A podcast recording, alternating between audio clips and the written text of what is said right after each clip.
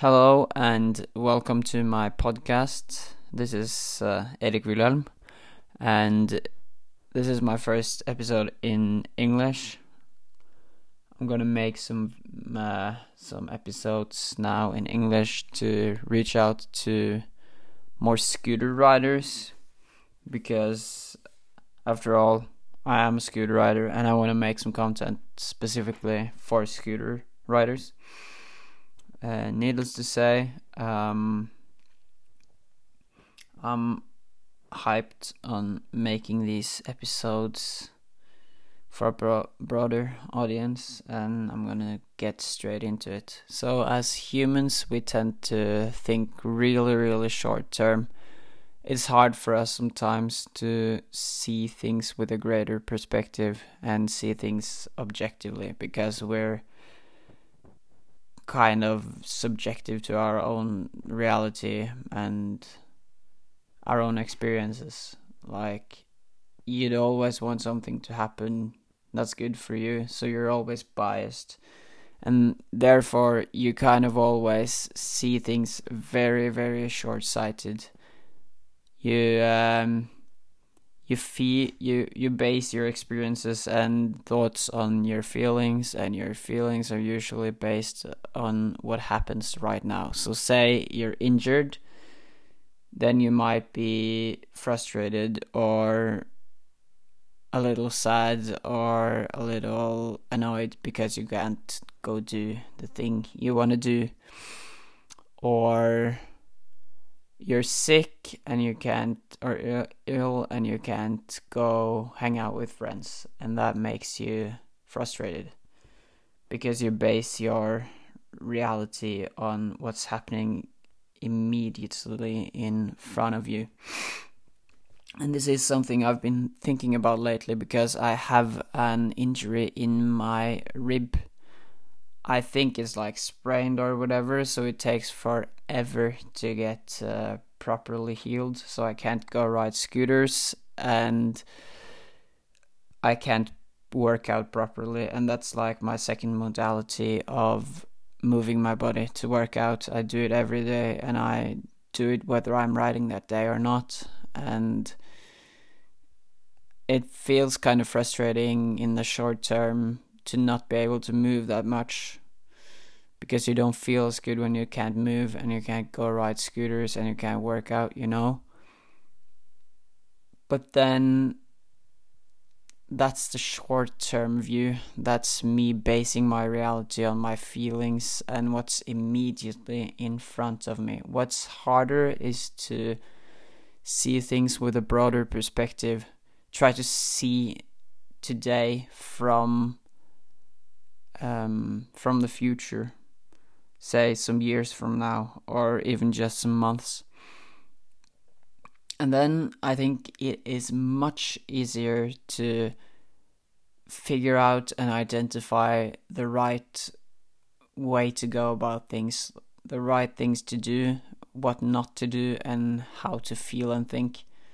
Because if you base your reality on where you want to be in the future, in a logical manner and not based on your immediate feelings, then it is much easier to find out what the right action is. And say for me, being injured and all, then the right action might be to focus more on recovery workouts and not exert my body too much.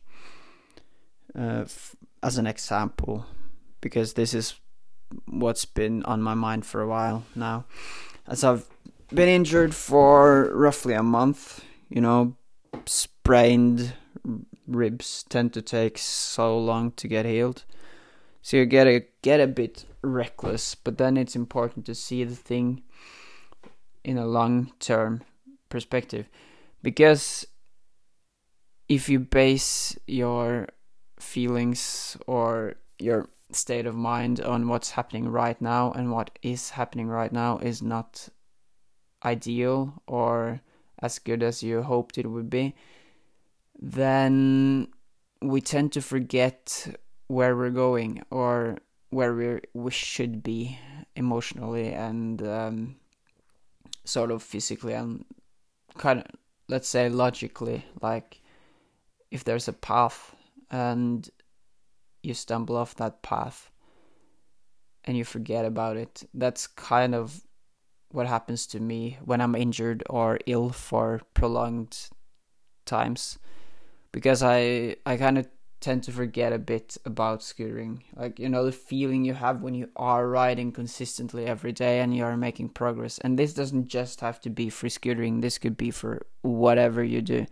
So please just keep listening, even if you don't are interested in sorry if you aren't interested in scootering just keep keep listening because the the subject of this episode is more broad than just scootering. So, if you can't do the thing you love to do and do on a regular basis, there's this weird thing where you you know it and you know you love it, but you kind of forget about it because you don't do it consistently.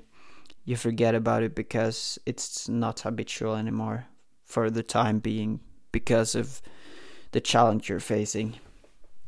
So for me, I have been kind of forgetting my, let's call it scootering inspiration or like the motivation you have uh, brewing uh, when you ride on a consistent basis. That momentum of energy and feeling like you're doing the right thing, and that sucks. But then, if you see it long term, then you can sort of just brush it off as a as a minor thing. Even if your injury is long lasting, you can still figure out what is the best thing to do right now from seeing it from a broader perspective. It could be a week, it could be a year, it could be 10 years, if you have a goal, a proper goal, a vision of where you want to be, then you can surely find out what the right action to do right now for that goal is, however minute it might be. Being injured, I can't ride optimally and I can't work out optimally, but I can still do something. I can still recover and prepare for when I uh, I can ride. I can still work out my lower lower body, like working out jumping, squatting, injury prevention, all that to stay active and to prepare for when I'm back on my scooter. And that's the subject of this video.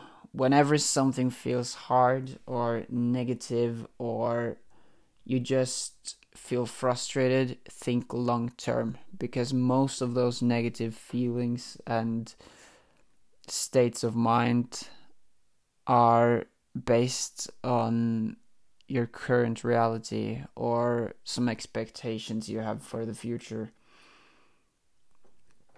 And in this example, if we say that the negative feelings are based on your current reality, then try to identify what the long term thing is, what the long term goal you have is, and how this thing that's happening right now could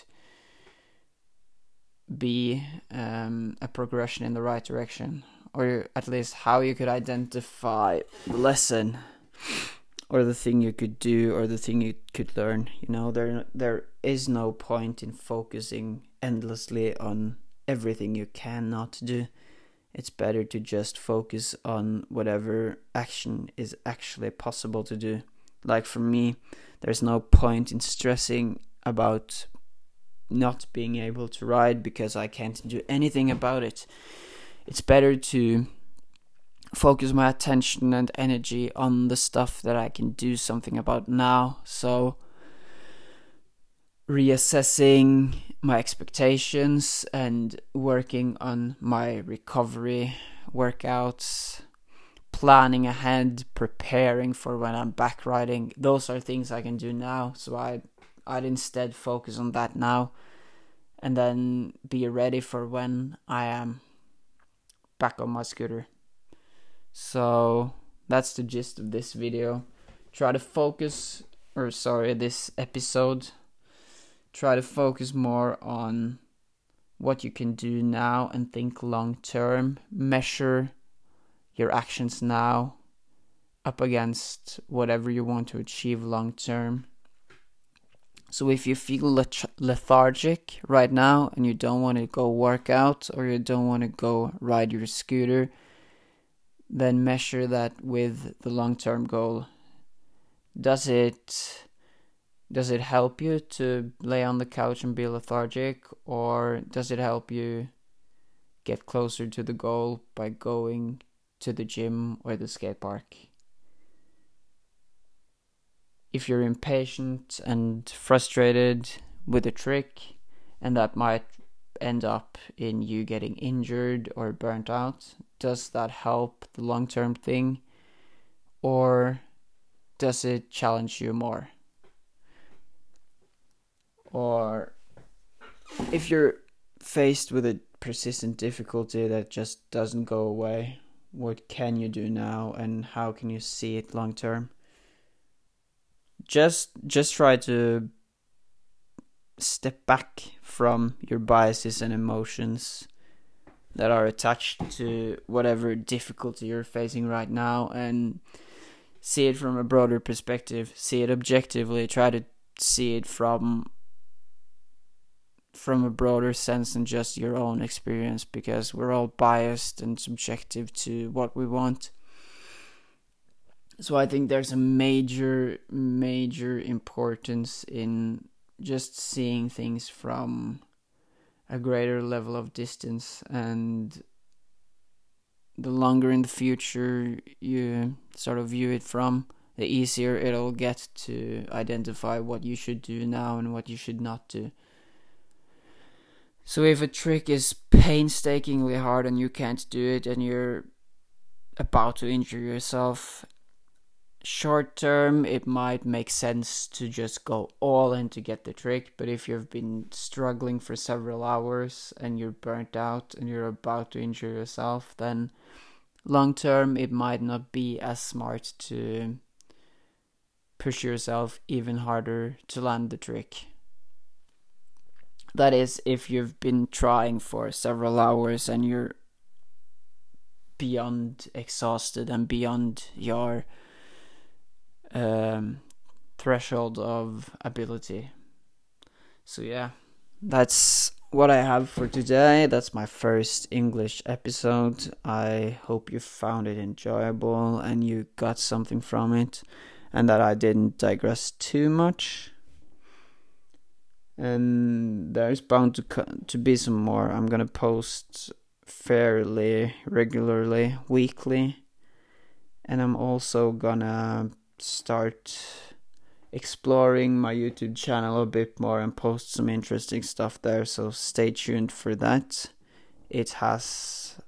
Um, I'll link the YouTube channel in the description as well as my Instagram, so you can check that out. I thank you, and I'll hear you. will hear in the next. Sorry. You'll hear me in the next episode. That's what I was trying to say. So, bye for now.